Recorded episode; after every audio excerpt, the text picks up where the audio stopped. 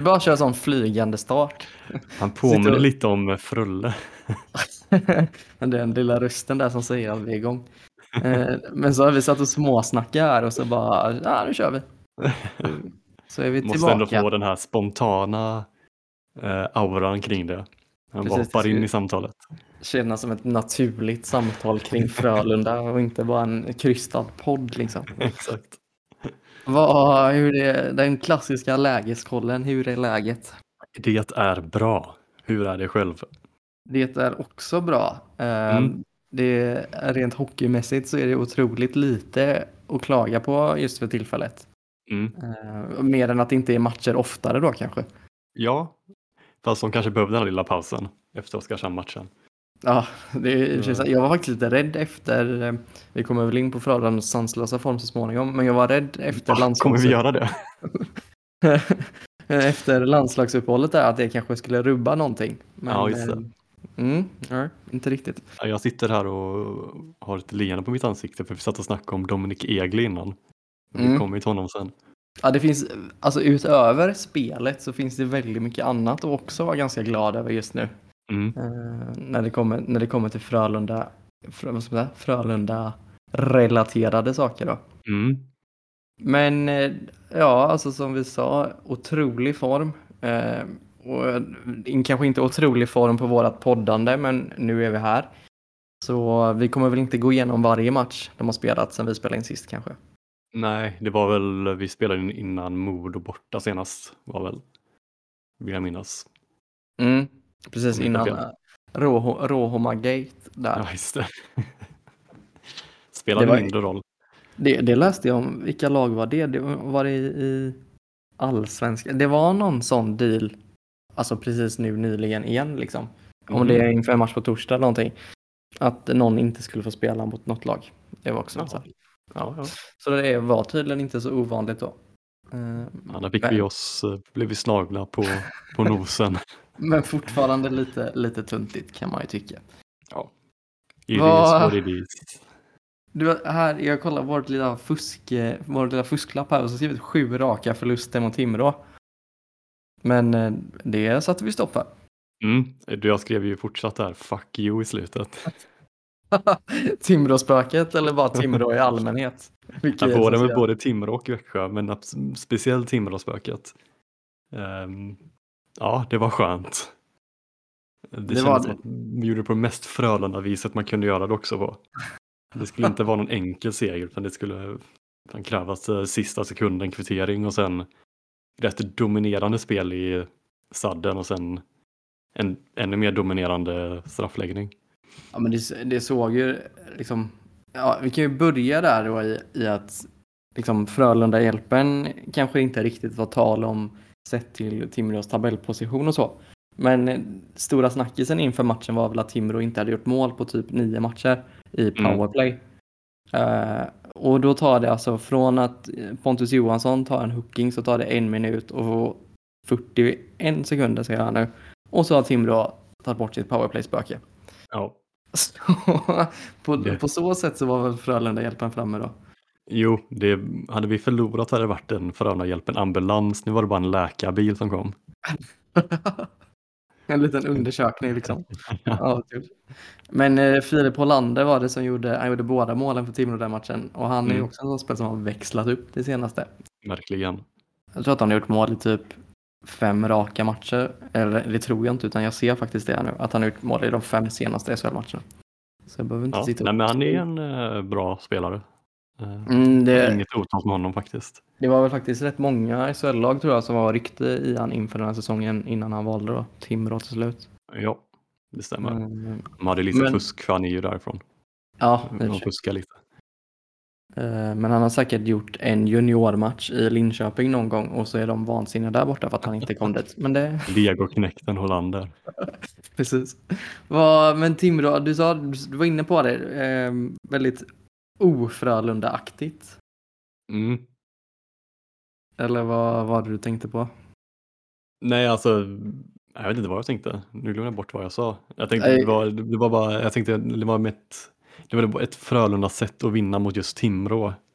Att Ja, du, ska, ah, okej, du tyckte att, att det var li, Frölunda? nej, alltså det är, ju inte, det är ju inte det, men att det ska vara just så mot Timrå. Att man ska Ja, kvittera i sista sekunden och, Mm. och sen vinna. För det där var en sån, jag kan på riktigt inte komma ihåg när Frölunda gjorde mål med plockad målvakt senast. Alltså, alltså på fullaste allvar så minns jag inte när det hände sist. Det känns som att Nej. alla lag gör det mot oss men vi kan aldrig göra det själva liksom. Det var väl eh, Niklas Nordlind som sa det att det var första gången de gjorde mål med plockad målvakt på hemmaplan den här säsongen i alla fall. Gud ja. Tror jag. Eh, man, ja, jag vet faktiskt inte. Eh, Men eh, ja, vilken säger det? Det var ju Kalle Klingberg som styr in den med nio sekunder kvar. men patenterad Malte Strömvall pass in i skottsektorn. Som det Verkligen. känns att man har fått höra tusen gånger om den här säsongen. Men den Men, matchen i eh, övrigt kändes väl inte som att den var den var inte jättedålig men den var heller inte särskilt bra. Ja, det var en sån klassisk mellanmjölksmatch. Ja, Så rätt starkt att gå därifrån med två poäng ändå. ja. Men alltså när det gick till straffar så kände man att man hade, hade det. Eh, Lasse har väl fortfarande inte släppt in en straff Nej, i precis. straffläggningen den här säsongen. Sen lite otippat ändå, alltså straffläggare. Man valde först att gå med Noah Dover Nilsson Mm. och sen Otto Stenberg. Otto Stenberg har väl i och för sig varit rätt vass på straffar historiskt. Men eh, det var ändå lite otippat att inte en sån som kanske, ja men framförallt Malte Strömvall då som ändå är lagets stora typ tekniker fick kliva Ja. fram. Det kanske handlar om att man vill ställa eh, eh, motståndarlaget i hur de har tränat på straffar mot Frölunda. Mm. De kom Ja. helt oförberedda på Otto Stenbergs move.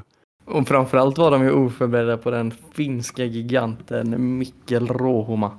Ja, Eh, som avgör där med ett riktigt snyggt, otroligt märklig klubbteknik han har när han, Mm. han skickar in den. Jag vet inte riktigt hur han håller. Men han får in pucken i alla fall. ja. Nej, det känns som att man kan ehm, man kan hylla honom hur mycket som helst och det räcker inte till ändå. Nej, alltså det bara vi kommer, bli, otroligt. kommer väl in på det sen lite under frågestunden. Men eh, han börjar ju spela till sig en, en kontraktsförlängning om han, om han skulle vilja det. Mm. Faktiskt. Så är det. Så är det. Men vi sa fuck you till Timrå och sen så när vi ändå höll på att säga fuck you så sa vi också fuck you till Växjö. Ja. I en Ehm, betydligt bättre match. Ja, ehm, det är synd att man tappar fokus, eller fokus tappar man inte, men att man tappar en del av, en större del av andra perioden.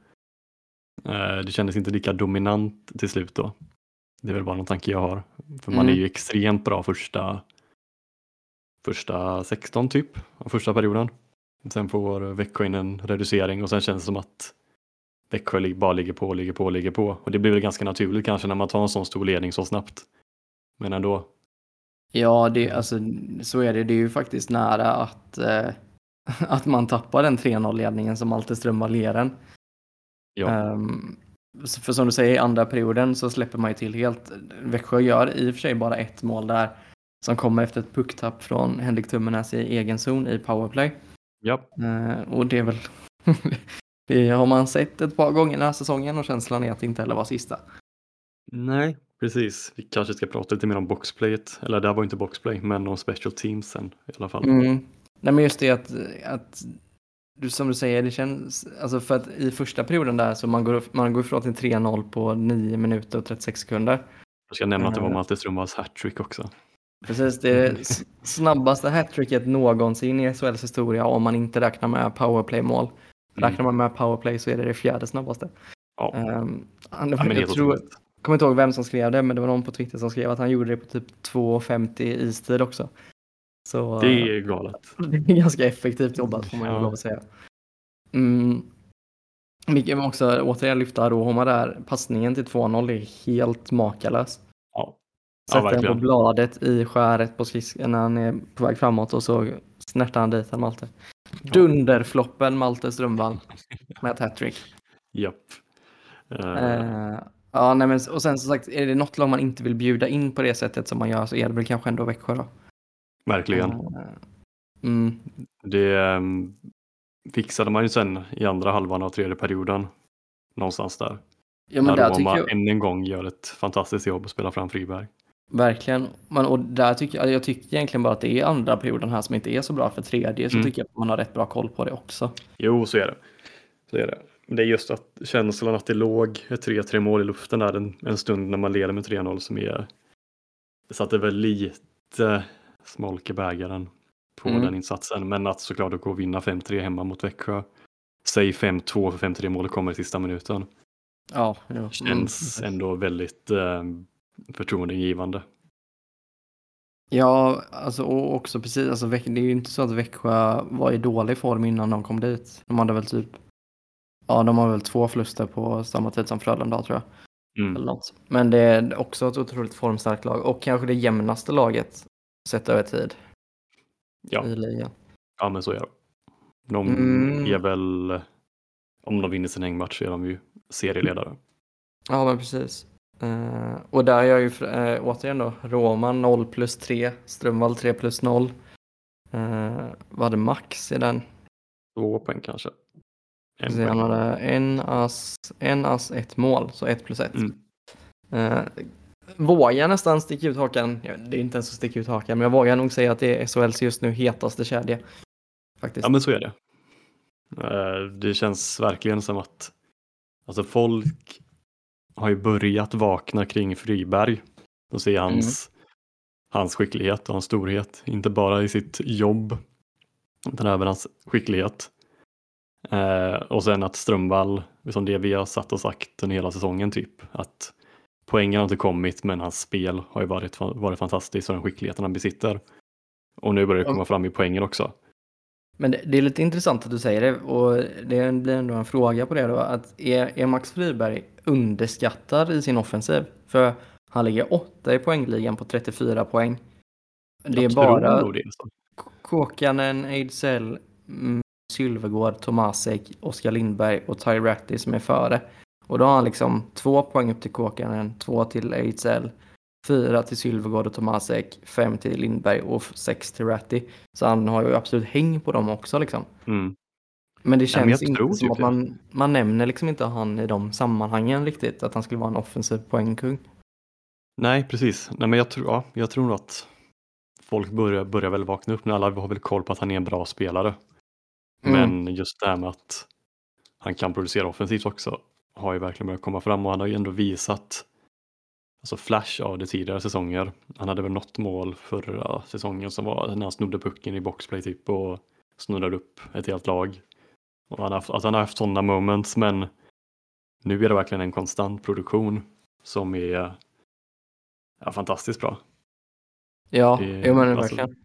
Så, Alltså han, när han blir uppkallad till landslag så känns det som att oftast har det varit för att han har den här grovjobbarrollen och han, han, ja, han åker snabbt, åker hårt, tränar hårt, alltså gör allt det där jobbet men det är mer en skicklig spelare än, äh, än så. Ja men verkligen så. Eh, Och när vi ändå pratar poängproduktion då så kan vi väl gå in lite på superfloppen Malte Strömvall. Han är ju till exempel en poäng bakom succén Linus Omark. Han är före namn som Jonathan Dahlén, Kalle Kossila, Henrik Borgström, Max Verno, eh, Emil Pettersson. Men ändå vilken superflopp. Ja, Katastrof. nej men så, så är det ju. Han äh, har ju faktiskt inte gjort 50 poäng på tre matcher. Ju, Det är för uselt faktiskt. Då är man ju faktiskt en flopp. Um, sen såklart att man kanske hade trott att han skulle ligga någon poäng mer än vad han ligger på just nu. Just nu har han pace på 37 Mm. um, poäng den här säsongen. Man kanske hade hoppats inför säsongen 40 något sånt. Och det kan han säkert nå upp till. eh, om man fortsätter producera de här stora, stora poängmatcherna. Men ehm,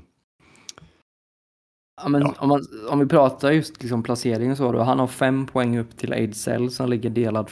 Nej, Ejdsell är ensam fem. Nej, Ejdsell och Kåkanen är femma på 36 poäng. Stämmer.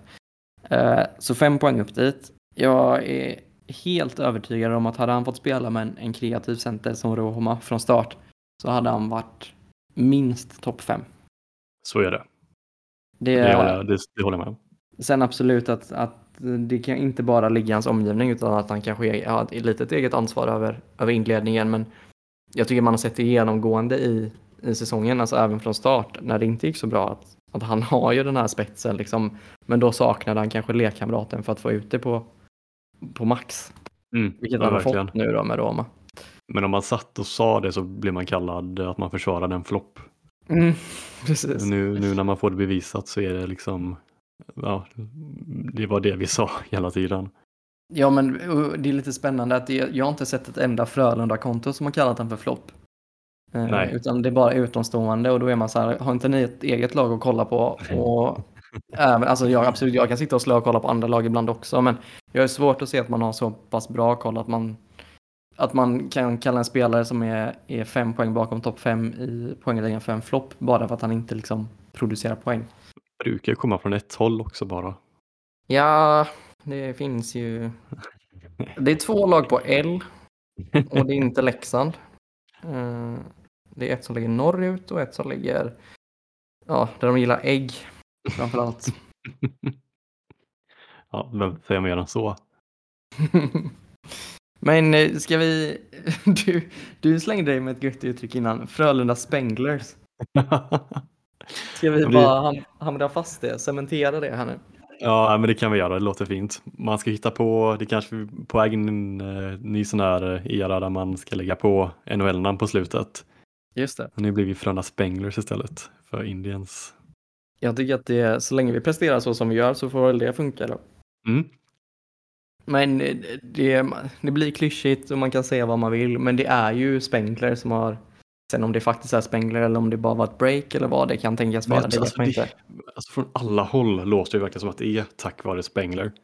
Niklas Laser blev intervjuad idag i Frölundas kanaler för att han har näst flest matcher i klubbens historia. Grattis! Grattis. Ehm, och då fick han ju frågan om varför det har gått så bra på det senaste. Då tar han upp Spengler. Så jag tror inte bara det är en klyscha som man tar upp i sändningar bara för att hitta någonting. Utan jag tror faktiskt att det på riktigt handlar om det för man får komma bort med hela laget, med familjen och komma närmre. Mm. Ja men verkligen. Jag tror alltså, sen såklart att spelet har lyft, det har det också givetvis, men just den känslan att komma när, närmare varandra. Alla som har spelat någon lagsport kan väl ändå relatera till det, att när man kommer närmare varandra så känns det bättre att spela tillsammans. Ja absolut. Och, och jag tror precis att det är mer det. För kollar man spelmässigt under Spengler så Alltså ja, sista slutspelsmatcherna var riktigt bra men eh, kollar man gruppspelet där man åker på storstryk mot, mot Kanada och Davos ehm, så var ju inte det någonting som såg speciellt bra ut. Utan det är nog precis det du säger, att den här mjuka biten bakom själva spelet. ehm, eller bakom hockeyn, utan mer de här ja, men lagsammanhållning och sådana saker. Att det är det som har, har funkat där då. Ja, verkligen. Eh, för, och det, är också, det är också en sån grej som jag, och det, jag blir alltid så jävla glad av att se det. Och det har man reagerat, jag har reagerat mycket på det i år att när vi gör mål så firar fan alla på isen. Alla Mm. blir skitglada. Japp. O, oavsett om det är, är Rohoma som har varit här i tio matcher eller om det är Lasu som har varit här i tio säsonger. Mer. Ja, det räcker nog inte än tio säsonger. Men, 800, vad är det, 70 någonting? 871 matcher tror jag. 71. Alltså det, precis, det, spelar, det spelar ingen roll hur länge man varit här eller hur länge man har varit en del av Frölunda utan alla firar som att det liksom är ett jätteviktigt avgörande mål. Japp. Och det tycker jag tyder på eh, bra saker. Mm. det, det, ja, men så- alltså, det kan väl kännas lite klyschigt att säga det, men det är verkligen så. Och sen när experterna tar upp det också, de som har erfarenhet från hockeyn, det känns som att det stärks där också. En, ens övertygelse om det. Ja men verkligen. Ska vi gå in på det lite, lite hockeynördigare då? då? Eh, Mm. Och här får vi verkligen tacka eh, Hockeylabbet podcast. Ja, Eh, ja de har ju gått över till podcast som har slutat med själva programmet eh, i rörlig bild, vilket är synd. Mm, verkligen. Eh, Det var Podcasten gör sitt jobb också. ett bra program om man ville nörda ner sig lite i siffror och sånt. Och Mm. generellt sett så kan man ju vara lite allergisk mot att kolla mycket statistik och sånt för det är inte det som Alltså, de, det tar de väl bland annat upp då, att Frölunda är liksom det laget som över de senaste fyra, fem säsongerna har haft högst expected goals jämfört Ja. med hur mål man faktiskt gjort. Eh, sen så betyder ju det liksom i sig inte så mycket men det visar ju på någonting kanske så. Ja, Ehm, man skapar mycket målchanser. Det är ju alltid Man- positivt. Precis, man får ta statistik med en nypa salt men det kan ändå ge en hint om varför och hur. Då Ja, har det vi- viktigaste är att man sätter det, i en, sätter det i en relation också till Precis, det som utspelar sig. Men då har vi ju plockat ut lite grejer här då som de tog fram i Hockeylabbet. Och man Mm. kan, vi kan börja med, med passningar in i skottsektorn. En, Mm. en, en rätt betydande del för att kunna skapa farliga chanser. Och vad är Eh. skottsektorn då? Kanske folk sitter och undrar. Ja, vill du ta den? Du får plugga den. Nej, men det är väl området eh, mellan eh, slottet och målgården. Precis. Framför målen. Eh, så att, ja, men innanför, te, innanför tekningscirklarna egentligen. Ja. Ehm, Precis. och, och då innan jul så hade man minst passningar in i skottsektorn och stor spridning på vilka personer det var som slog dessa eller vilka spelare det var som slog dessa passningar. Mm. Nu efter när det går betydligt bättre så ligger man inte, man är absolut inte på något sätt bäst i att hitta in passningar i skottsektorn men man är i mitten av tabellen ungefär. Eh, och då tar de upp som exempel i Hockeylabbet att Lasio är en sån center som har fördubblat sin, sin an, eh, procentuella andel som man får in passningar i Mm. skottsektorn. Och det ser man ju också om man då tänker på hur han har spelat senaste månaderna här. Han har Ja, haft en betydligt större roll offensivt än vad man är van vid att se. ja. Eh, ja, det är Ja. inget att tillägga kring det. nej, nej, alltså känner att du presenterar ganska bra där. Det ser man, man ser väl också det med vissa mål. Alltså, det slog mig ganska direkt, typ Kalle Klingbergs kvitteringsmål Mm, var ju en sån pass som kom från Strömvall. Det var väl kanske i och för sig precis utanför skottsektorn, men i princip i där. precis. Eh, det, många mål som vi har gjort har ju kommit just därifrån nu också. Ja men exakt, och det hänger ihop lite med att då, alltså man skapar inte bättre, alltså, alltså per definition bättre målchanser, utan det är fler av samma typ av målchanser. Mm. Och det säger väl sig självt, får man fler chanser så ökar väl sannolikheten att göra mål på det också. Liksom. Ja. Så, så, så det är ju en stor, en stor del i att det går som det går. Ehm, man är bäst på, i hela ligan på att vinna lösa puckar. Mm. Eh, och det är ju också någonting som man tycker man, om man bortser från just lösa puckar, men liksom det fysiska spelet och intensiteten är någonting som jag tycker man ser, ser skillnad på i alla fall. Verkligen, verkligen. Ta bara en sån som Folin, det känns som att man går på steroider liksom. Helt sjukt han spelar på. Tom Nilsson är ju hur, hur vass som helst. Nytt kontrakt. nytt Grattis. kontrakt. Ja, det, det måste vi ta upp ju. Det var två år på Tom Nilsson. Tumme upp. Värre, två tummar upp till och med tycker jag. Ja, två tummar upp för två år. Eh, nu vet jag faktiskt inte hur kontraktssituationen ser ut för övriga spelare, men det känns som att man har säkrat upp en, en vansinnigt bra eh, backsida framöver. Mm. Vi kommer ju komma till den sen. Det är ganska trevlig läsning. Det är det. Eh, men, men, precis, men Tom Nilsson är också en sån spelare som spelar mer intensivt, mer fysiskt. Eh, så där har man också blivit bättre. Det tog de upp som en bidragande faktor. Mhm. Givetvis Lasse Johanssons storspel. Ja.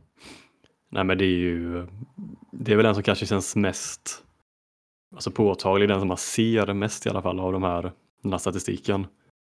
Att eh, det spelet Lasse visar upp är helt otroligt. Mm. Jag Mm. kollade, nu kommer jag inte ihåg exakt, men om man ser till de spelarna som har spelat, i alla fall, jag tror att Carl Lindbom är väl den som låg högst upp som har spelat typ okej i många matcher. Han har väl spelat 21, eh, som är nära i räddningsprocenten. Men för, kollar man bara räddningsprocent så tror jag att en sån som, eh, vad heter han i Ja, Växjö? men det är Adam Åhman och Max Åhman. Legacy där som ligger topp två, men de har spelat 15 och 16 matcher var. Precis, och Lasse har väl spelat typ, ja minst. 34. Ja, precis. Så, mm. Den enda som har spelat över 30 som ligger nära det är Marcus Högberg. Sen kommer Linus eh, Sö- Söderström. Mm. Så det är eh, Emil Larm är precis under 30 matcher. Och de är ja, 1% typ. Bort. Ja, men det, man kan ju utan tvekan säga att Lasse är så pass bra nu som man, man hoppades på när han kom hem där. Verkligen, Eh. verkligen. Han är fortfarande Europas bästa målvakt.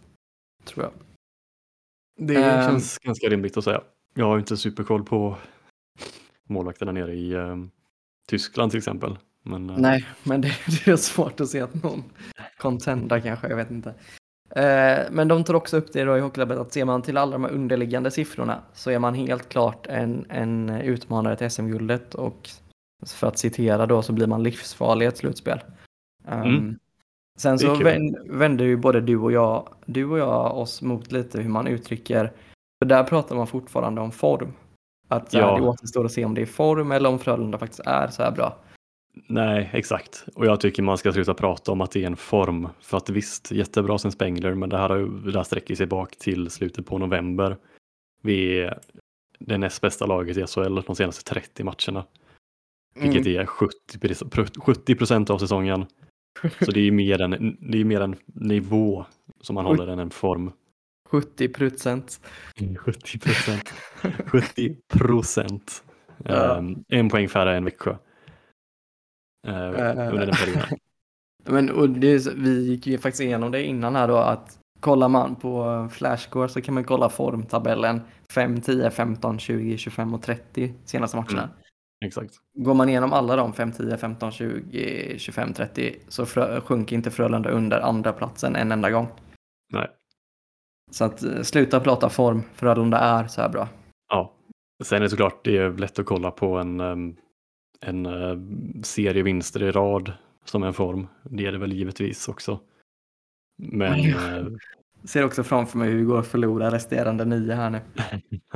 Jättejinx-podden va? ja. Nej, det hade varit typiskt. Nej, men ehm, exakt. Det är ingen form. Visserligen vi är i en bra form just nu, men det är en nivå vi har hållit sen slutet. Vad är det? man- Det är 28 november som är det magiska datumet som man räknar från.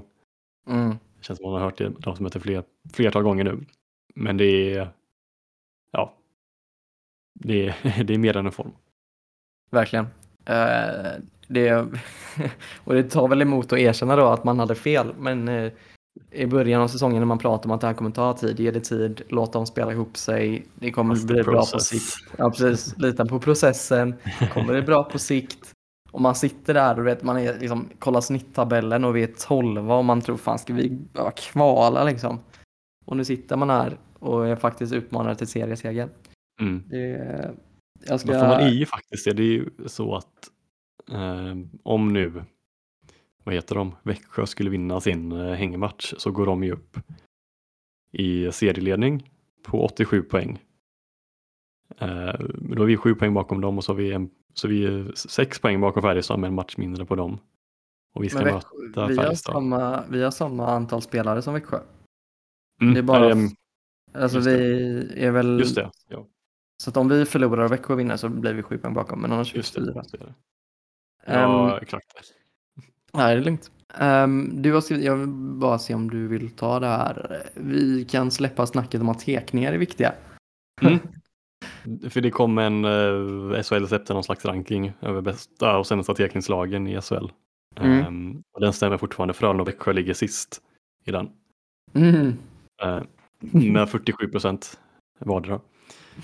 Uh, och sen är de typ sist och näst sist också i vunna offensiva tekningar. Ehm, Fan. Säger inte Så- det lite om, om sättet man spelar på då? Jo, kanske, men det är också så här, det snackas om att man ska vinna tekningar och den hetsen om det hela tiden. Mm. Ja, Ja, man är. Frölunda är absolut sämst när det kommer till vunna defensiva teckningar också. Mm. Eh, På 40 procent. Ja, jag vet inte Så- om det finns, om det, eller det, det finns ju uppenbarligen någon korrelation, men så här. Det hade varit, det, ibland så känns det som att det hade varit alltså Frölunda sätter sig lite jobbiga sitsar ibland genom att inte är vinna så mycket tek. Så är det. Och sen är det såklart det är ju situationsrelaterat också. Om man behöver vinna en tekning i sista minuten så Mm. kommer inte den här statistiken rädda en på det sättet. Men det är just den här, folk kanske hetsar lite väl mycket om tekningar och sånt. Och typ att ja, Joel saknas för vi vinner, vi vinner inga tekningar längre. Nej, Joel saknas på sina sätt, men inte kanske just på tekningssättet. Nej, och han var ju också en exceptionell tekare liksom. Det är ju inte, det är inte bara att man slänger in en ersättare för att vinna de teken. Han var väl fortfarande ligans bästa tekare liksom när han slutade. Så att, ja, ja men precis. Så, men det var bara en intressant grej jag ville ta upp. det jag tycker är intressant är att du har skrivit kubikmeter. Folk kallar ju den här Råholma Fribergs strömbalkedjan för M3. Då Jaha, tänker jag var lite mer. lite mer. kubikmeterkedjan. Vi, det, är också så, det slår ju fast nu. Frölunda Spengler så kubik, kubikmeterkedjan. Inte helt lätt att säga, men eh, bättre. Ja. Um, men du, fan, du var inne lite på det där. Um, Växjö, om Växjö vinner sin släpmatch hit och dit. Och och Frölundas potentiella chanser till att vinna serien. Mm. Eh, Jag hoppade över Egli-biten här nu så kan vi gå tillbaka till den sen. För vi går Spoiler här alert. Precis, eh, men då går vi på de här två matcherna som kommer nu i veckan. Och Mm. egentligen så Frölundas matcher är ju, är ju lite vad de är. Det är Rögle borta och det är HV borta. Det är två bottenlag. Mm. Det är så jävla skönt att kunna säga att Rögle är ett bottenlag. Alltså det, ja, det är balsam för själen. Det känns mest konstigt tycker jag. Alltså. Nej, men jag mår så bra av och så. Åh, de är ett bottenlag. Ja. Oj, oj, oj. Eh, men det är också intressant att Frölunda skulle kunna sätta dem i skiten genom att vinna på torsdag då mot Rögle och sen förlora mot HV. Eh, Mm. För det är, det är fan eh, tajtare än vad man tror väl? Det skiljer fem poäng mellan eh, HV och Rögle. Mm. Så att, eh, spännande där. Men så det är ju Frölundas matcher då. HV och Rögle borta eh, torsdag och lördag. Vi har anledning att komma in på HV-matchen lite mer sen. Mm. Men ser man det ur Frölunda-perspektiv då så är det ju faktiskt två matcher som man kanske borde vinna. Ja, Eh. alltså i en värld där logik regerar så vinner vi den, de matcherna. Precis. Men eh, Rögle är väl ett ställe vi har ja, historiskt i alla fall haft, lite svårt borta mot. Och HV, på hem, när HV spelar hemma är de ganska bra också. Men Ja. eh, det känns väl som att vi ska kunna åka dit och ta sex poäng totalt. Ja, men alltså Rögle i grunden har ju, eller så här i grunden så verkar de inte vara särskilt bra, men på pappret så har de ju absolut ett funktionellt lag. De har Eh. gjort färskt mål i hela SHL. Det är ju också helt sjukt.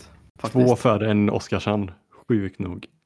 det är ju faktiskt bedrövligt dåligt. Ehm, men, ehm, ja men absolut, alltså man ska väl inte räkna hem de segrarna på något sätt, men sett som du säger, om logiken spelar någon roll, sett till Frölundas form, sett till vad de två lagen befinner sig och att de ändå är faktiskt i någon typ av kris, Mm. så bör nog Frölunda vinna de två matcherna. Och gör man det så blir läget ganska intressant, för på lördag så möter Färjestad och Växjö varandra. Just det. Vilket gör att man kommer plocka in poäng på de lagen. Mm. Och då är jag satt och funderade lite på vad man då optimalt Frölunda ska ju faktiskt möta Färjestad en gång till. Man ska inte möta Växjö en gång till. Så jag ser kanske gärna att oavgjort och så plockar Färjestad extra poängen kanske. Mm. Jo, det känns ganska rimligt. Då kan man plocka två poäng på Växjö och samtidigt så ska man spela hemma mot Färjestad en gång till. Hemma Eh, mot både Färjestad och Skellefteå. Två sista omgångarna. Mm, precis. Eh, optimalt hade varit om vi kunde rycka från Skellefteå lite innan, men får väl se. Mm. Det känns ju onekligen som att det står mellan de, de fyra lagen där uppe i alla fall. Eh, Eh, Så är det ja, absolut. Vi spekulerade ju lite i, i senaste podden om att, om att Leksand skulle falla igenom. Det gjorde de. Mm. Och nu, Eh, man kanske inte behöver vara världens största troende av PDO, men de hade ganska skyhög PDO och har nu ramlat ner. precis. Och det är väl Eh, kortfattat det som mäter tur kan man väl säga. ja, skottprocent och räddningsprocent tillsammans. Så där var de lite över det man ska ligga.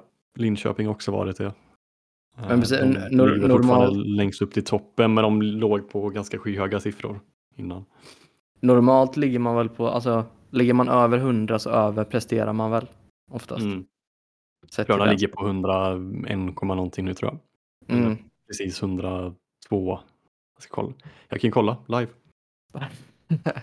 Så håller jag låda här så länge då. Ja. Nej men eh, vi vi spekulerade lite att Leksand skulle falla igenom och det gjorde de. De har fem raka förluster. Eh, jag tror inte Linköping håller i längden.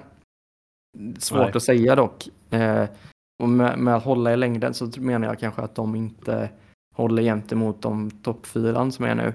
Sen tror jag absolut Nej. att de kan klara topp sex och hålla Timrå, Leksand och Luleå bakom sig. Men, men Linköping och det, jag vet inte, det finns ju en förlorarmentalitet i hela den klubben också. när, det verkligen gäller någonting så är de usla. Jo, alltså de kommer ju sluta som sämst åtta. Det Kommer är de lite synd att de på något sätt inte kan bli tolva, men det får väl ta dem i kvarten. Jag har fått fram. PDO-statistiken här. Eh, Växjö ligger på 102,93. Mm. Eh, bäst, eller hög, högst PDO i alla fall. Sen kommer Frölunda, 102,43. Linköping, Leksand precis bakom. Okej. Eh, men jag har för mig att Leksand var uppe på 103, 104 och sånt Mm. för ett par omgångar sedan. Vad ligger Eh. Färjestad bara för skojs skull? De ligger på 101,72 på femte plats. Ja, Okej. Så, men så det är liksom alla de här lagen som ligger uppe i topp, det är väl Skellefteå som ligger ner på 98,4 på tionde plats. Som kanske de har lite otur med sig. Det är inte Mm. så bra när de går ganska bra i alla fall. ja precis, de går ju bra ändå.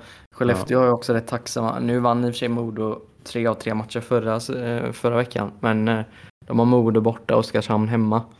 Mm. Där tror jag att de gör rent hus. Ja, det bör de ju rimligen göra. Eh, Det Även bör om vi de. hade lite svårt att slå Oskarshamn. Ja, Oskarshamn jag, kanske börjar varva igång inför kvalspel. jag såg faktiskt också eh, HV Skellefteå. Och det är andra perioden som HV gör gjorde inte att jag blev jättelugn inför lördag. För där var HV riktigt, riktigt bra. Eh, Det är faktiskt ganska märkligt att de inte, att de inte lyckas gå ikapp Skellefteå i den perioden. För att de tok-dominerade spelet där. Mm. Det är just att de Eh, är sen- på hemmais också. De är Ja, men precis. faktiskt ganska bra hemma. Och där får de ju stryk då ändå med 1-4. Men ser man till matchbilden så var det inte ett helt logiskt resultat. Nej, Eh, ja, det är väl det då som är lite läskigt.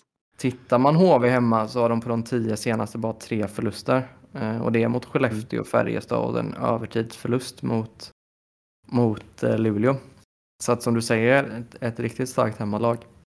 Mm, de är i eh, seriens sjätte bästa eh, och då har de fyr- 41 poäng på 21 matcher. Eh, men de skulle lätt kunna gå upp på en tredje plats. Ja, så Färjestad har två mer än dem. ja, men, och så är det, för anledningen till att de ligger där de ligger är ju för att alltså, de är liksom, det måste vara alltså, historiskt dåliga siffror de har på bortaplan. De har, Ja, de har sju poäng på 22 matcher på bortais. de har alltså vunnit två av 22 matcher på bortais. Det vill säga, de har inte vunnit en match utanför Småland är väl grejen. Det är också så sjukt. Livrädda. de- Ja, jag vet inte. Men jag menar Nej, men det säger som, nog någonting när liksom Oskarshamn har 10 poäng mer på hemmais. ja, ja, det är faktiskt riktigt, riktigt märkligt. Så att hem, som du säger, hemma ska man... Eh, det är inte som att man bara åker till Husqvarna och plockar, plockar eh, hem poäng. Nej, Och för HV då så är det väl livsviktigt att vinna de här hemmamatcherna de har kvar. För annars löser de nog inte det. Men eh, inte HV-podden detta. nej, så är det. det är kanske på lördag. Ja, precis. Ska vi ta och göra det till Dominik Egli-podden istället? Ja, det kan vi jättegärna göra. Jag upptäckte ju idag att han har gjort 14 poäng på de senaste 13 matcherna sen Spengler. Och det var lite där, där vi myntade begreppet Fröna Spenglers för att han också haft, haft väldigt fint sen Spengler. Det är ju då en back som kommer till Frölunda i sommar. Om allting Ja. klaffar. Alltså det är väl inte helt, helt spikat från alla parter utan det är väl bara rapporterat men det är väl ändå ganska vedertaget från de flesta betrodda medierna att han är klar för Frölunda. Ja, men det var väl Madhawk som sa det och det är väl nästan som att Frölunda går ut med det själva. Mm, och även schweiziska medier och så också. Um, jag såg någonting, jag såg någon, eh, någon artikel på, nu är inte jag kanon på tyska, men jag såg någon artikel från schweizisk tidning där liksom att man säger att han går ner i lön för att jaga NHL-drömmen. Mhm. Och, och det är väl också inte så, alltså Frölunda har väl ett bra- ett bra track record i, i att skicka över spelare till NHL så. Ja, Men så det är väl inte helt osannolikt att tänka sig att han kommer göra en säsong och sen sticker igen liksom. men sen Men, samtidigt, Davos är väl inte helt uh, ovana vid att få uppmärksamhet om heller. Nej, så är, det, ju. så är det helt klart. Men, Men- det är väl eh, givet att eh, SHL står väl i lite högre ställning hos uh, scouter i Nordamerika än den Verkligen. schweiziska ligan, men eh, ändå. Alltså man kommer hit och alltså jag satt och tänkte på det, jag tror det var en av de senaste hemmamatcherna sitter jag och tänker, ja snart fan, kommer Dominik Egli in här också. Man Ja. saknar ändå den här, visst att Tom Nilsson och Christian Folin är fantastiskt fina backar med sina högerskott, men alltså en högerskytt som är en mer offensiv back. Mm. Det är, det är bara någonting som ticklar. Någonting som kittlar. Ja men det gör det, ticklar. ticklar. Ticklar och pruttcent. Bra på det där. Nej men eh, här blir ju Axel då som är permanent utvisad nu för tiden ser det ut som. Eh, Axel, Alex menar jag. Axel heter han inte. alltså, han är så utvisad att jag har glömt hans namn. Gå sådär nu. Alex menar jag givetvis. Blir ju inte jätteglad då när jag ser att han är 1,74 lång och väger 81 kilo. Men det är nog ga- 1,74.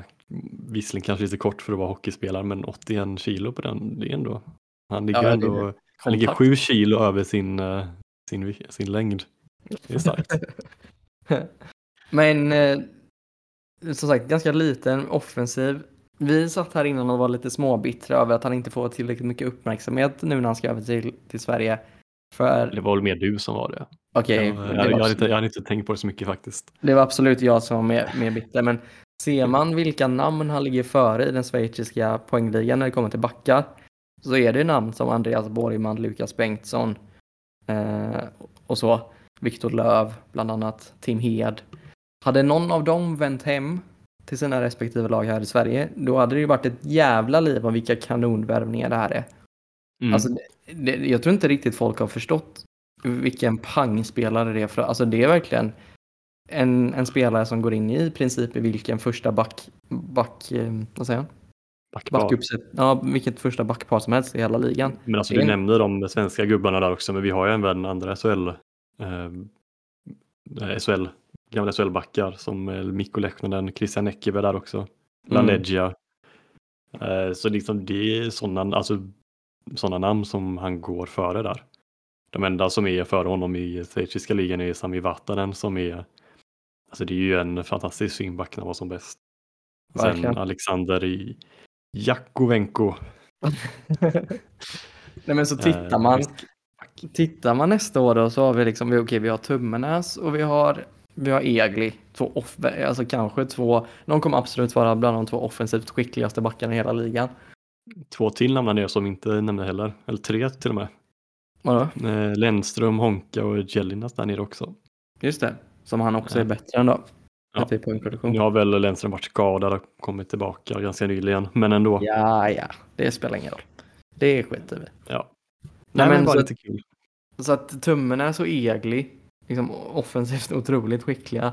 Eh, och sen så Filip Hasa, Tom Nilsson, Linus Högberg, Christian Folin och Isak Hens. Mm. Det är svårt att se att något lag ens skulle vara nära att matcha en liknande backsida faktiskt. Ja, nej men verkligen. Det I- Till och med nästan i Europa. ja, Vågar jag sticka, alltså även med Schweiz. Eh, Schweiz. great. Så att eh, där har man verkligen någonting att se fram emot.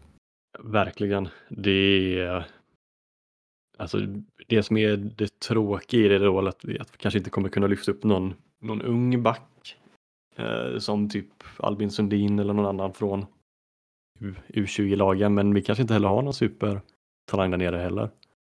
Nej, men och det var också lite därför jag blev förvånad med förlängningen av Tom Nilsson. Mm. Sett till.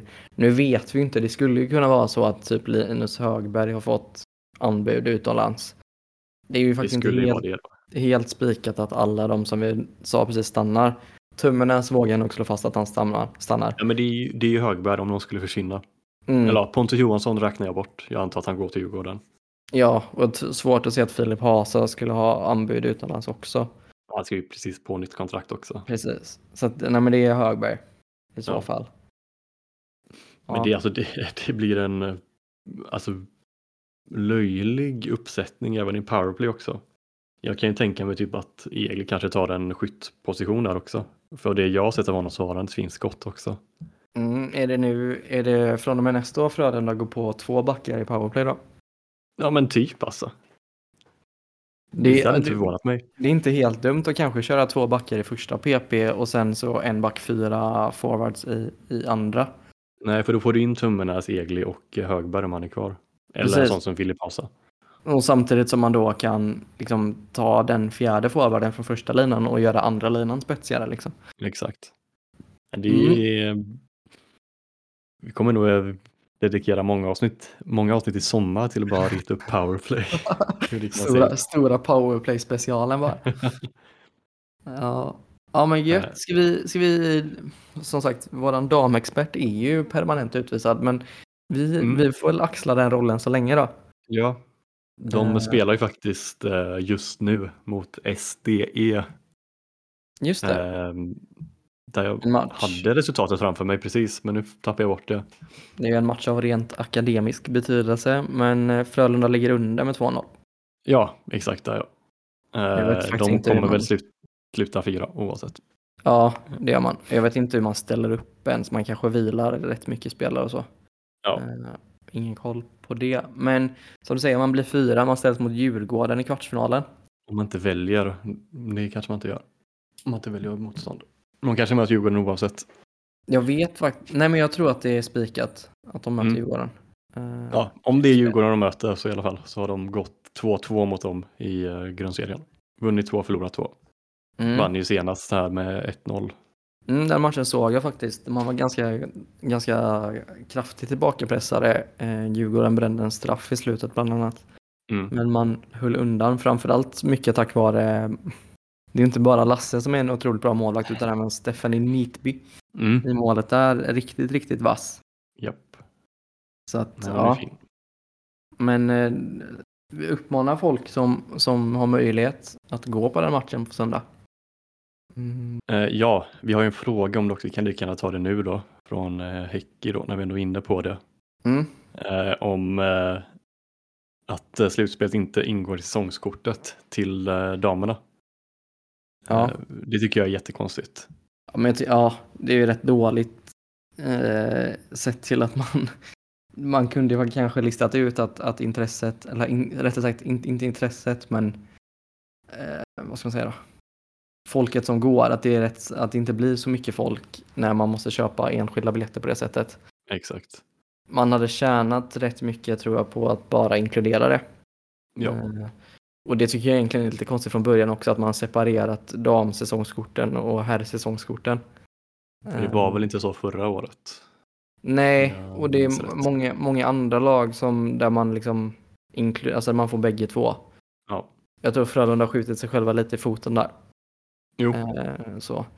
I det här läget så handlar det väl också mycket om att kanske inte tjäna så mycket pengar på damlaget, för det gör man nog inte, utan mer kanske väcka ett intresse och få folk att komma dit. Liksom.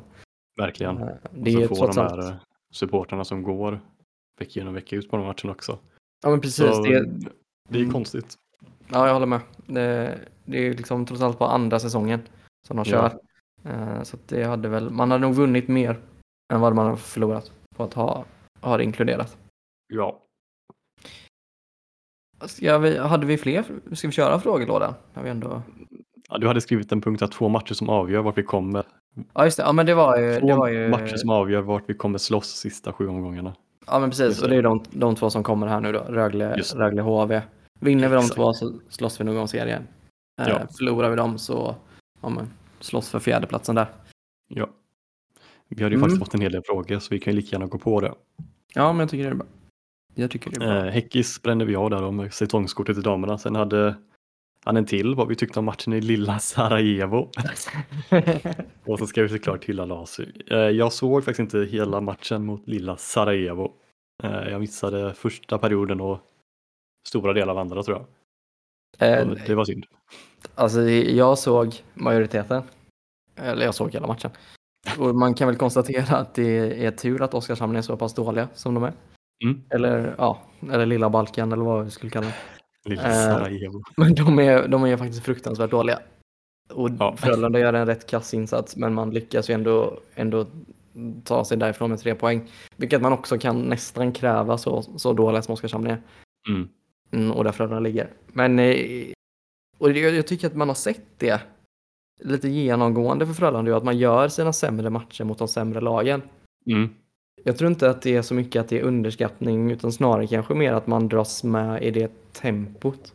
Frölunda Vi hade ju den historiskt dåliga matchen mot Örebro där. Ja men precis. Och vi har liksom de, alltså ser man till de matcherna som vi förlorade i år så är det, det är mycket, vad ska man säga, mot, mot bottengäng. Alltså, Vi Vi- förlorade hemma mot Oskarshamn också. precis, en av våra få förluster hemma har kommit mot Oskarshamn. Vi har förlorat mot HV, vi har förlorat mot Modo. Alltså det är mycket, mycket de gängen vi torskar mot.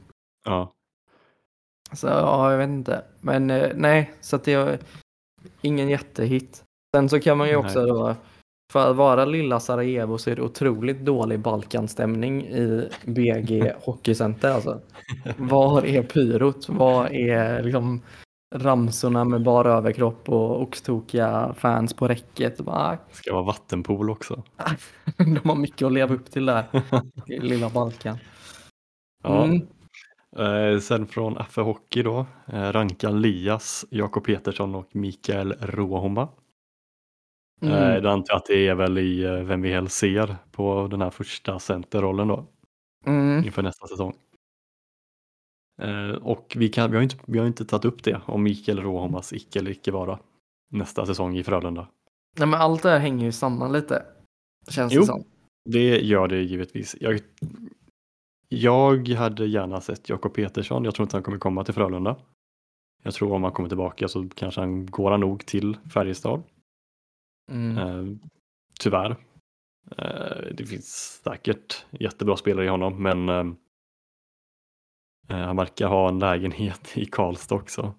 Ja, Eh, inte, för att alltid spelar, inte för att det alltid spelar någon jättestor roll men ehm, Fredrik Sjöström nämnde ju det i Frölunda-podden att de har ju kontakt med, kontakt med honom men ehm, att det inte är mer än så typ. Så, Mm. Sen såklart kommer han inte sitta och säga att vi har lagt ett bud på honom men eh, jag tror att alltså jag vet inte. Jag tror inte han kommer. Elias Andersson tror jag jag nog tar först av de två i alla fall. Sen är ju det här Roma-dilemmat då. Ja, alltså jag, tycker, så jag är helt med dig på Petersson. Tror inte att han kommer välja Frölunda när han väl väl- vä- vänder hem. Han har ju utgående kontrakt den här säsongen ska vi säga också. Eh, Petersson. Mm. Mm. Eh, nej men jag tror Frölunda valde ju någonstans bort honom lite. Så jag tror inte att vi står så högt i kurs där. Håller HV sig kvar så är det mer logiskt för Lias att gå till HV. Men då måste de ju, då kommer de ha världens sjukaste jävla löne... Ja, vadå, de, de sprängde ju nyss 70-gränsen. Snart Ja, de men det 80 är helt sjukt.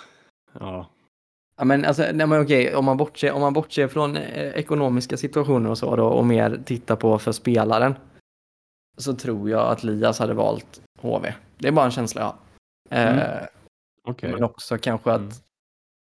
ja, men sett till att han kan komma dit och bli den stora stjärnan som de inte riktigt har. De kanske hoppas att Henrik Borgström skulle bli det men han blev det inte riktigt. Han har ändå varit Mm. där innan, han har bra, vann guld där så det känns bara som att HV ligger lite när om man väl skulle vända hem och möjligheten finns. Sen så har du en poäng där att de kanske inte har faktisk möjlighet att signa honom. Och då är nog inte Nej. Frölunda omöjligt. Nej, Mm, alltså, men jag, därför man hoppas lite också att HV, att de att Oskarshamn slår dem i ett potentiellt kval. ja, verkligen. har jag, också, jag har ju det här lilla Oskarshamn-hjärtat fortfarande som klappar. Det finns fortfarande där inne. Det finns en liten Balkan-person i dig helt enkelt. Nej, men Så. jag, jag tänker faktiskt äh, slänga ut ett namn här som inte alls pratas om. Jag vet inte om du vet vad, vad jag tänker komma. Nej, faktiskt inte. Nej, men jag, Mattias Janmark sitter på ett utgående kontrakt. Ja, eh, ja I, eh, I Edmonton. det har jag sett att du har nämnt i alla fall. Att du har nämnt honom. Och där är han liksom, han sitter på ett utgående kontrakt. Han ligger på 2 plus 5 i poängstatistiken så han gör ju inte en liksom, det är svårt att se att han spelar till sig ett nytt kontrakt. Mm. Han är, Men han känns som en 31. sån, ja 31. Ja, Så jag menar- dig, förlåt. nej men han är 31 så det är inte helt ologiskt för honom att vända hemåt. Han har spelat under Roger innan, han har spelat i, i, i Frölunda. Eh, han är väl också AIK-historia, lite som Malte Strömvall. Mm. Det känns som att det skulle kunna bli rätt Den är bra. inte helt, jag håller med, den är inte helt orimlig faktiskt. Den invändningen jag har i sådana fall är att han känns som en sån spelare som lätt kan få ett till år borta i NHL för att han har typ ett rykte om sig. Om att han, Mm. eh, att han är en gedigen spelare på, ja, så nere i fjärde kedja och bla bla bla. Precis. Det är väl det. det, precis det där att han, att han är en sån spelare som, alltså ser man, för i år är egentligen första året han inte presterar som en fjärde kedjespelare, annars har han legat runt 25 poäng Mm, exakt. hela tiden. Eh, men eh, det, ja, han känns kanske mer, mer rimlig på något sätt om han då skulle välja att komma hem. Jag såg någonting för inte allt för länge sedan om att Lias troligen får chansen i Montreal hyfsat snart. Inte alls Mm. säker på att han kommer komma hem till nästa år.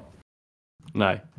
Ehm, det som talar för Lia, alltså eller det som talar för att Lia, det talar inte, det talar inte för att Lia ska komma hem, men det är väl mer att han har åldern inne, mer än Janmark. Eh, Mm. Han är ju 25, eller fyller 26 typ när säsongen börjar. Ja, och det är ju precis. bättre att bygga på än en 31-årig Janmark, även fast åldern uppenbarligen inte spelar någon större roll. Eh, Nej. När man tittar på Roma och ja, Tummenäs, Lasse Johansson, Lasu och så vidare och så vidare. Folin. Alla de är ju över 30 och presterar fint så Men jag, är, är jag Frölunda här så, så eh, jag förlänger med Roma tror jag. Nu. mm, För och vi, så, vi såg hur det gick i år när vi satt och väntade och väntade och väntade på den här första centern som aldrig dyker upp.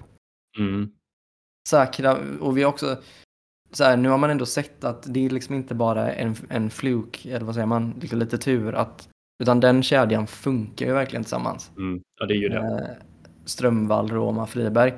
Det finns väl också indikationer på att Strömvall trivs jättebra här i Göteborg och att han faktiskt inte ska någonstans. Ja, Eh. vi kan ju ta den frågan samtidigt från, eh, från Ebba som frågar om vi tror att Malte spelar i Frölunda nästa säsong. Och Det är Mm. som du säger att det verkar som, verkar som att han trivs jättebra. Plus på det att han har två unga barn också. Ja, och de Om man senaste ska dra åren. ner till Schweiz med dem, har de där nere i ja, två år och sen ska han hitta hem igen. Nu är inte jag tvåbarnsfarsa, men spontant sen, sen, känns det som att om han tjänar bra i Sverige, vilket han rimligen gör, och känner sig att han hör hemma och mår bra här så stannar man nog här. Ja, precis. Och han har ändå flängt en del fram och tillbaka det senaste. Ryssland och, och, och USA och så nu hem som du säger. Mm. Och ändå, precis som du säger, det finns nog en, en möjlighet för honom och han ser kanske själv en chans att, att, att bygga någonting här. Jag vill Så också ge shoutout till deras, eh, hur de har namngivit sina barn. Leon och Noel baklänges. Snyggt. Ja, det tänkte jag inte ens på. det var faktiskt rätt kul. Ja. Eh, nej men så att, nej men bli, blir Strömvall kvar och det tror jag nog att han blir. Mm, då jag tycker jag att man ska förlänga med Roma. För man, jag tror, alltså så här, på ett år blir han inte så pass mycket sämre. Den kedjan funkar bevisligen. Jag tror de går Dess- hand i hand de två eh, transaktionerna. Malte stannar och Roma stannar. Ja men precis, någonstans, någonstans där. Men samtidigt också så Frölunda har ju, ja, Rydahl kommer vara frisk nästa säsong. Och så har Mm. man Edström och så har man Borg. Eh, och så har man Noah man Hasa. Ja men precis, det är ju det som är... Jag har sett Jag fick många som vill... centrar om man är kvar allihopa. Och får in en extra. Mm. Och här blir, här blir då liksom grejen att har man kvar Roma och sen så säger vi då att Mattias Janmark dyker upp, han vill komma, han vill komma och spela för Frölunda, då får man ju helt enkelt lösa plats. Man får skicka Noah Asa på lån, man får flytta ut Edström på en kant. Mm. Eh, Det kommer bli en konkurrenssituation, men vi har också sett att det blir mycket skador liksom på en säsong. Ja. Som Vi jag ser det, kommer kanske ha CHL också. ja just det, det har vi inte ens gått in på. Eh, Det blir en jävla lång podd det här. Ja, men det får Men om 30, vi tar det som en avstickare jättesnabbt här då. Om en kvart nu när vi spelar in så börjar, börjar CHL-finalen mellan, är det Genève och Ja, det. Skellefteå. Vinner Skellefteå den så talar det mesta för att Frölunda skulle spela CHL nästa år. Blir Oavsett om det slutar tre eller fyra. Ja, alltså de här reglerna är ju fan mer komplicerade än domarnas handbok typ, eller bedömningsnivå. Men vinner Skellefteå, eh, nej, blir Frölunda ett eller tvåa i SHL så har man en automatisk plats. Eh, för ettan och tvåan har en automatisk plats. Det var ettan och trean. Okej. Jag tror det är ettan och tvåan och sen så den som vinner SM-guldet. Men vinner den som SM-guld, Mm. alltså vinner den som vinner SM-guldet, om den är ett eller tvåa så blir det trean. Eh, Ja, ja.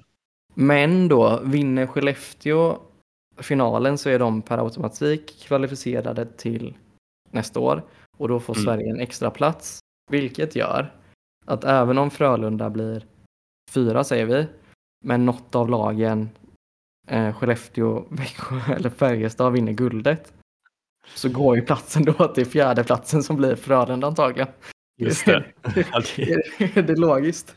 ja, ja, men det känns, eh, det känns det, jag tror inte det är svårare än vad man försöker rita upp det som. Det känns ganska eh, Nej, men klart. precis. Alltså så här, eh, för enkelhetens skull, om Skellefteå vinner finalen och Växjö blir etta och tvåa så kommer den tredje C- eller fjärde CHL-platsen gå till det bäst rankade laget som inte är Växjö, Färjestad eller Skellefteå. Mm. Och det ser just nu ut som att det blir Frölunda i så fall. Där har vi det. Lätt. Så det kan bli CHL i alla fall och där kan ju såklart skaderisk komma också. Och det, Ja, var det, det, var det, det var därför jag kom in på CHL, för du nämnde skador. Som brukar komma fram.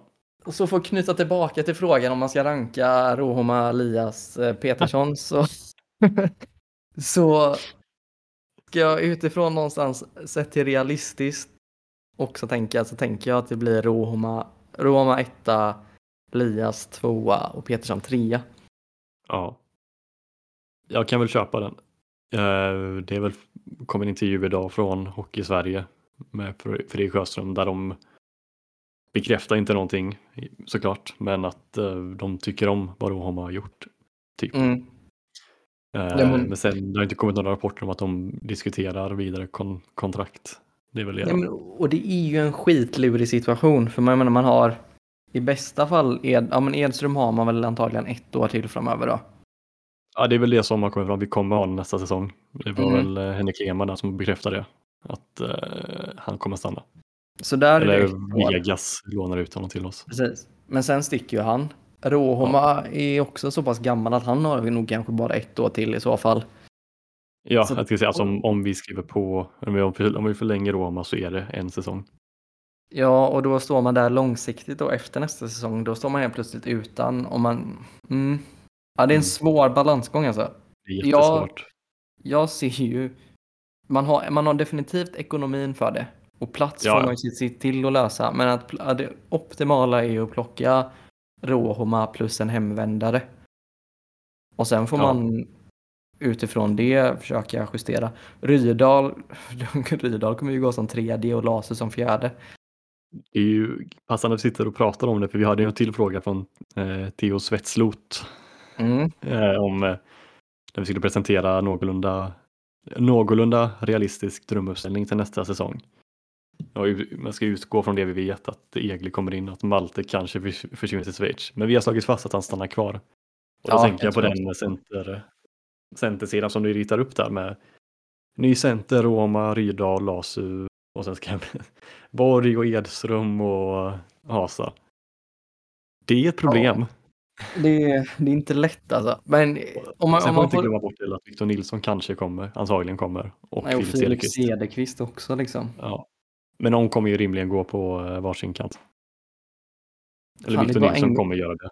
Enklare Cederqvist. om Djurgården går upp nu då så vi inte behöver ha Victor Nilsson. Jag tänkte, när du pratade om Mattias Janmark så tänkte jag så här. Att om AIK går upp så kanske Ja. Janmark hamnar där.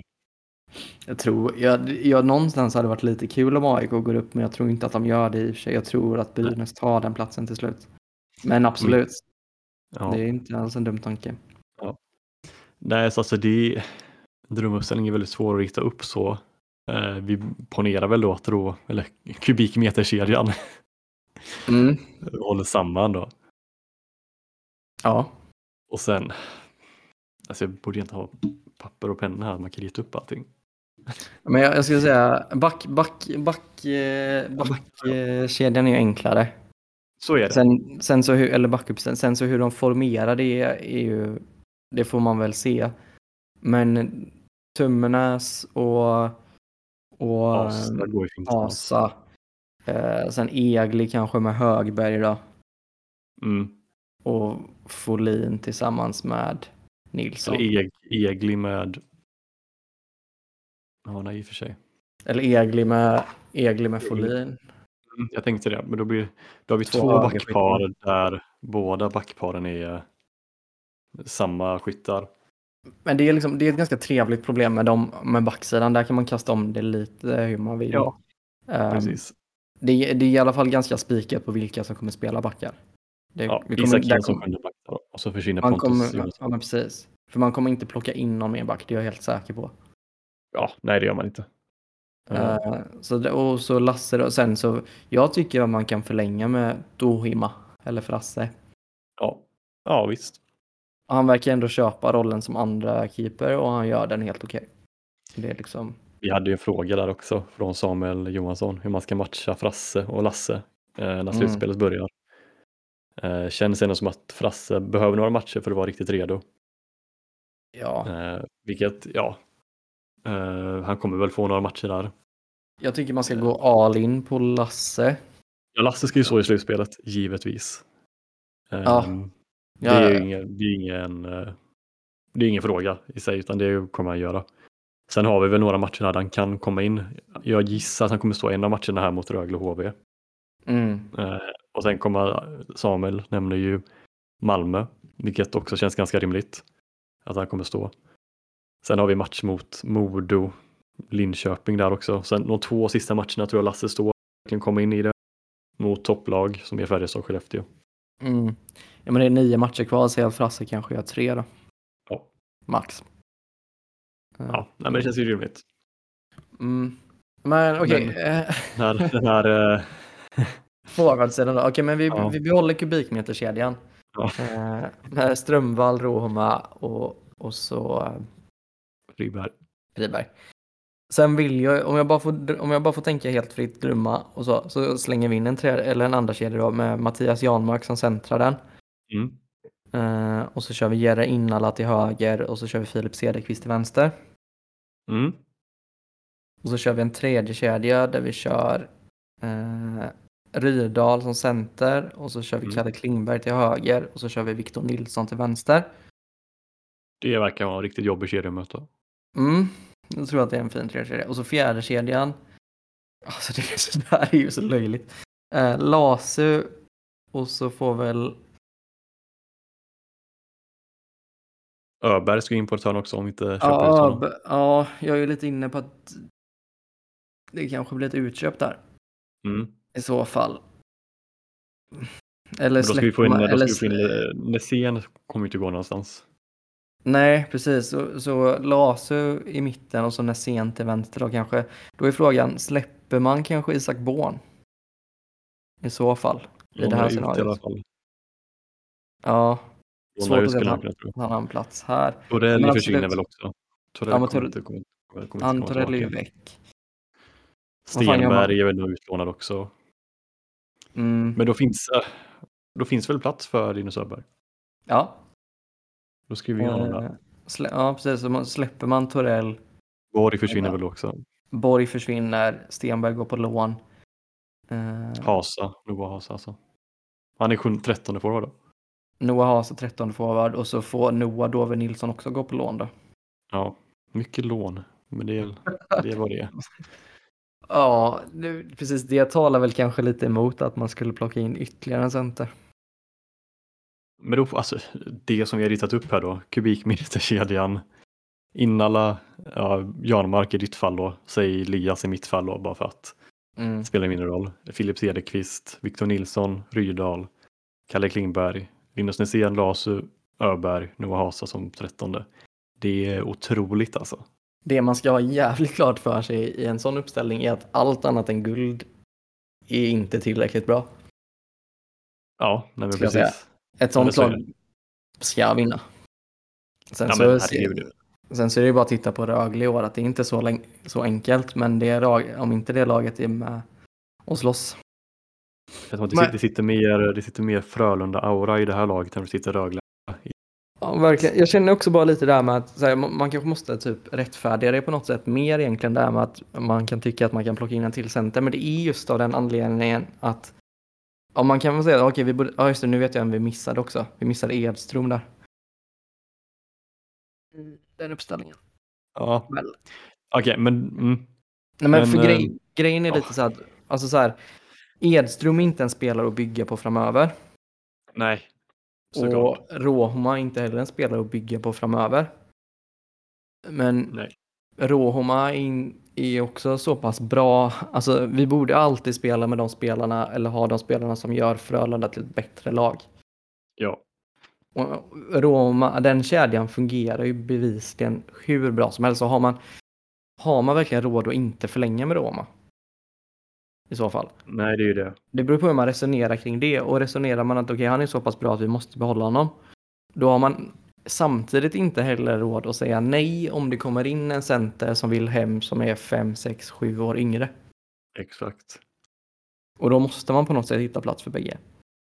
Men det är ett ganska trevligt problem som Sjöström har. Du säger 6-7 år yngre än Roma. Elias Andersson 10 och. Petersson är ju 10 och 11 år yngre. Alltså jag tror, jag tror verkligen inte på någon av dem egentligen. Nej, Men, eh, sen vet jag inte vad vi har där borta som... ehm, det är klart det kan ju redan alltså, ske kontakter med andra spelare som inte vi tänker på alls. Då, en sån som Anton Blid, vad gör han idag? ja. ja, men ja, Det är ju kanske Ja. inte ett drömnamn i och för sig, men... nej. Det känns ju menar, spontant Philips- som lite mer, lite mer brunkish. jag och Philips, men för där också blir det väl mer en vinge, men Cederqvist skulle kunna gå på en mittposition och så. Verkligen. Karl Sen blir det Henriksson. kul att se också hur- vad Gustav Rydahl kan göra skadefri också. Ja, gud ja. De, de topparna han hade i alla fall under hösten när han var som bäst och spelade skadad var ju faktiskt väldigt fina, även fast han inte producerade poäng. Så såg Mm. man ju att det var, alltså det ser ju ut som en riktigt dominant när han är på isen. Så det, det är ett väldigt kul problem att ha i alla fall. Jag vet inte om en sån som Karl Henriksson skulle kunna vara aktuell också. Han är också utgående. Gjort 15 poäng på 42 matcher. Mm. Där känns det ju, där känns det ju som en given återvändare i så fall. Ja. ja, verkligen. Ja, jag vet inte. Det är skitsamma. Man kan sitta och spekulera så här hur länge som helst. Men... Ja. Vi har lite mer frågor vi måste hinna med också. eh, mm, Uh, WCJ, uh, lite på samma tema när Elias, när kommer Elias hem? Du tror inte han kommer hem? nej. Eh, jag säger kanske den här sommaren. Kanske. Eh, Så här, jag, tror att, jag tror att håller HV sig kvar så tror jag inte att han kommer välja Frölunda. Nej. Och, ja. heja Sen- Oskarshamn. ja. Eh, sen Häcki en gång till. Eh, en liten hyllning för The Man with the F. Som har varit på plats samtliga hemmamatcher i Frölundaborg den här säsongen. Stor hyllning. Riktigt Ja, starkt. verkligen stor hyllning. Eh, the Man with the F, The Man with the Kung. Eh, sen skriver Västra Stråplats till oss också. Eh, att uppmana alla till Jönköping att är 100% på läktaren hela matchen igenom på lördag. Mm. Ja, men det, det, ju, Det- det... säger ju sig självt lite, men det ska, ska ta över den jävla arenan. Storresa ska ju också höras då. Så, um, men vi litar på de som lyssnar på oss i alla fall att ni, ni är högljudda när ni väl står där. Ja, men jag tror också det, det Alltså HV har ju en monumental press på sig. Gör vi första målet och dessutom börjar sjunga ut dem så tror jag att det kan bli en riktigt obehaglig upplevelse att vara HV-spelare där alltså. Ja, Mm. Kör welcome to hell. Äkta Balkanstämning vill jag ha på bortastå. Eh, sen har vi Simon Larsson som vill att vi ska välja och vraka bland hans fyra olika frågor. Okej. Hur sjukt är det att, eh, hur sjukt är det inte att ni är igång igen? Ja, men det känns som att det, vi har bra form på oss nu, så det är inte Det- så sjukt. Typ lika sjukt som att Frölunda faktiskt ligger trea i powerplay-ligan fast det känns som att de ligger tolva. Så Det sjukt. glömde vi nämna också lite fort. Eh, vårt boxplay är jättedåligt. Ja, näst, näst sämst i hela ligan just nu. Eh, ja. Sen, eh, sen eh, Spengler Cup så ligger vi på 69,73 procent. Eh, det är inte bra. Så det behövs fixas. Faktiskt rätt dåligt. Det är jättedåligt. Vad ser ni att Frölunda behöver ha för att kunna gå, fullt ut i detta slutspel? Tycker vi har alla nycklar nästan Ja, faktiskt. behålla den formen man har nu. Man Ja. kommer... Eh, Kanske. Eller ja, nej, vi har ju inte alla nu. Alltså, vi har ju boxplayet fortfarande. ja, precis. Öka, öka special teams lite. Möter vi Ja, Skellefteå det- liksom, som ligger på 35 procent i powerplay så blir det kanske lite knivigt. Och sen även, sen även, eh, jag tror att det kommer vara en nyckel att få tillbaka en sån som Filip Hasa. Verkligen. Verkligen. Han bör ju Mm, vara på mm. gång nu den här veckan. Ja, Känns det som. Ehm, vilka vill ni möta och, och inte möta i ett kommande slutspel? de här frågorna är roliga. De vill jag. Jag vill inte möta Timrå. Nej, eh, det, det känns, är jag helt med. Det känns som det klart viktigaste. Undvik Timrå. Inte för att Därför Timrå är vi, eh, vi... Därför kan vi inte komma trea, därför måste vi komma topp två. Timrå ligger sexa just nu. Vi, vi, måste inte, vi får inte komma Sen så trea. är vin... Nej, sen vinner Leksand sin släpmatch så går de om Timrå till exempel. Så att det, Just det. är ju inte helt garanterat men så att, alltså det finns ju ett scenario där det är sämre att komma tvåa än fyra till exempel. Om vi nu vill Mm. undvika Timrå. Men eh, Ge mig Linköping. ge mig Linköping, ge mig... Eh, det är också svårt att säga i och med att man inte vet vilka 7 till 10, vilka lag det är som går vidare. Nej, Men man, om man går från de som är 7 till 10 just nu, då skulle jag, och det är ju ja, Färjestad, Färjestad, Växjö, Skellefteå, men de kommer vi inte få. Så egentligen så är det Linköping, Timrå, Leksand, Luleå, Örebro, Modo. Och jag är helt med dig, Linköping tar jag helst. Eh, Modo är givetvis en drömmotståndare om de skulle ta sig så långt också. Tror Mm. jag inte att de gör. Och Leksand Örebro. tar jag. Le- ja, Örebro. För röva i ett slutspel. Ska de verkligen förstöra ett slutspel för mig? Men ja, Örebro ser rätt tunna ut också faktiskt. mm. Sen så är de lite... Jag tror att man vill eh, undvika Rögle om de skulle lyckas kravla sig till ett slutspel. mm. För i ett slutspel så spelar det fan ingen roll hur det har gått i grundserien utan då nollställs ju allting. Du har en hemmamatch med men annars betyder det ingenting. Att, vi, minns, vi minns hur det gick mot Rögle senast vi mötte dem i slutspel. Det var, ja, en precis. fake-säsong. det var ju en fake-säsong så det spelar ingen större roll. Men ändå. nej men jag menar Frölunda kan ju, ja, går Frölunda, Frölunda rent så kan man plocka 107 poäng totalt. Mm. Bara leka med, säg att Frölunda plockar 107 poäng och Rögle plockar 72. Spelar ingen roll om vi möter en kvartsfinal. Utan Nej. det enda det gör är att vi har en hemmamatch mer eventuellt. Ja. Så att, och i grund, alltså i grund och botten så har ju Rögle ett lag som borde vara mycket bättre än vad de är. Mm. Ja, Så de skulle jag också gärna undvika. Så Timrå och Rögle säger vi där då. Mm. Eh, vilken placering får Frölunda till tabellen? Jag tror vi kommer tre. Jag tror vi blir två. Ja. Kort och gott Faktiskt. svar. Vi har två frågor till, sen måste vi nog, det blir väldigt långt nu. Och den här Ja. frågan, alltså det här svar på den här kanske hade blivit lite längre om vi hade mer tid. Men eh, Marcus Boman undrar hur vi ska använda Innala för att få ut mer från honom. Mm. Det är ju den eviga frågan. Och, det här är ju, här kommer det, vi har ju så pass, det återknyter lite till våra drömuppställningar innan. Vi har så pass skickliga vingar som saknar en riktig spelfördelare. Mm. Man ser ju verkligen vilken skillnad det gjorde när vi fick in en skicklig center i Roma för Friberg och Strömvall. Och jag är övertygad att hade man nu, man ska inte under några omständigheter bryta den kubikmeterkedjan där. Men hade man bytt plats på typ Friberg och Innala så tror jag Innala hade gjort det lika bra. Ja. För att Innala behöver bara få den leveransen. Japp. Ja, Så jag håller med. Jag tror egentligen att det är nyckeln att han behöver egentligen lekkamrater som matchar hans sätt egentligen. Men ja, Mm. är för det ser man ju i powerplay om inte annat. Sen Ja, så är ju powerplay en, annan spelform. men Jag menar, Han har ju typ alla sina mål i powerplay. Tror jag. ja. Så det, det visar väl ändå på att ja, men ger han rätt omgivning så det är väl det det handlar om.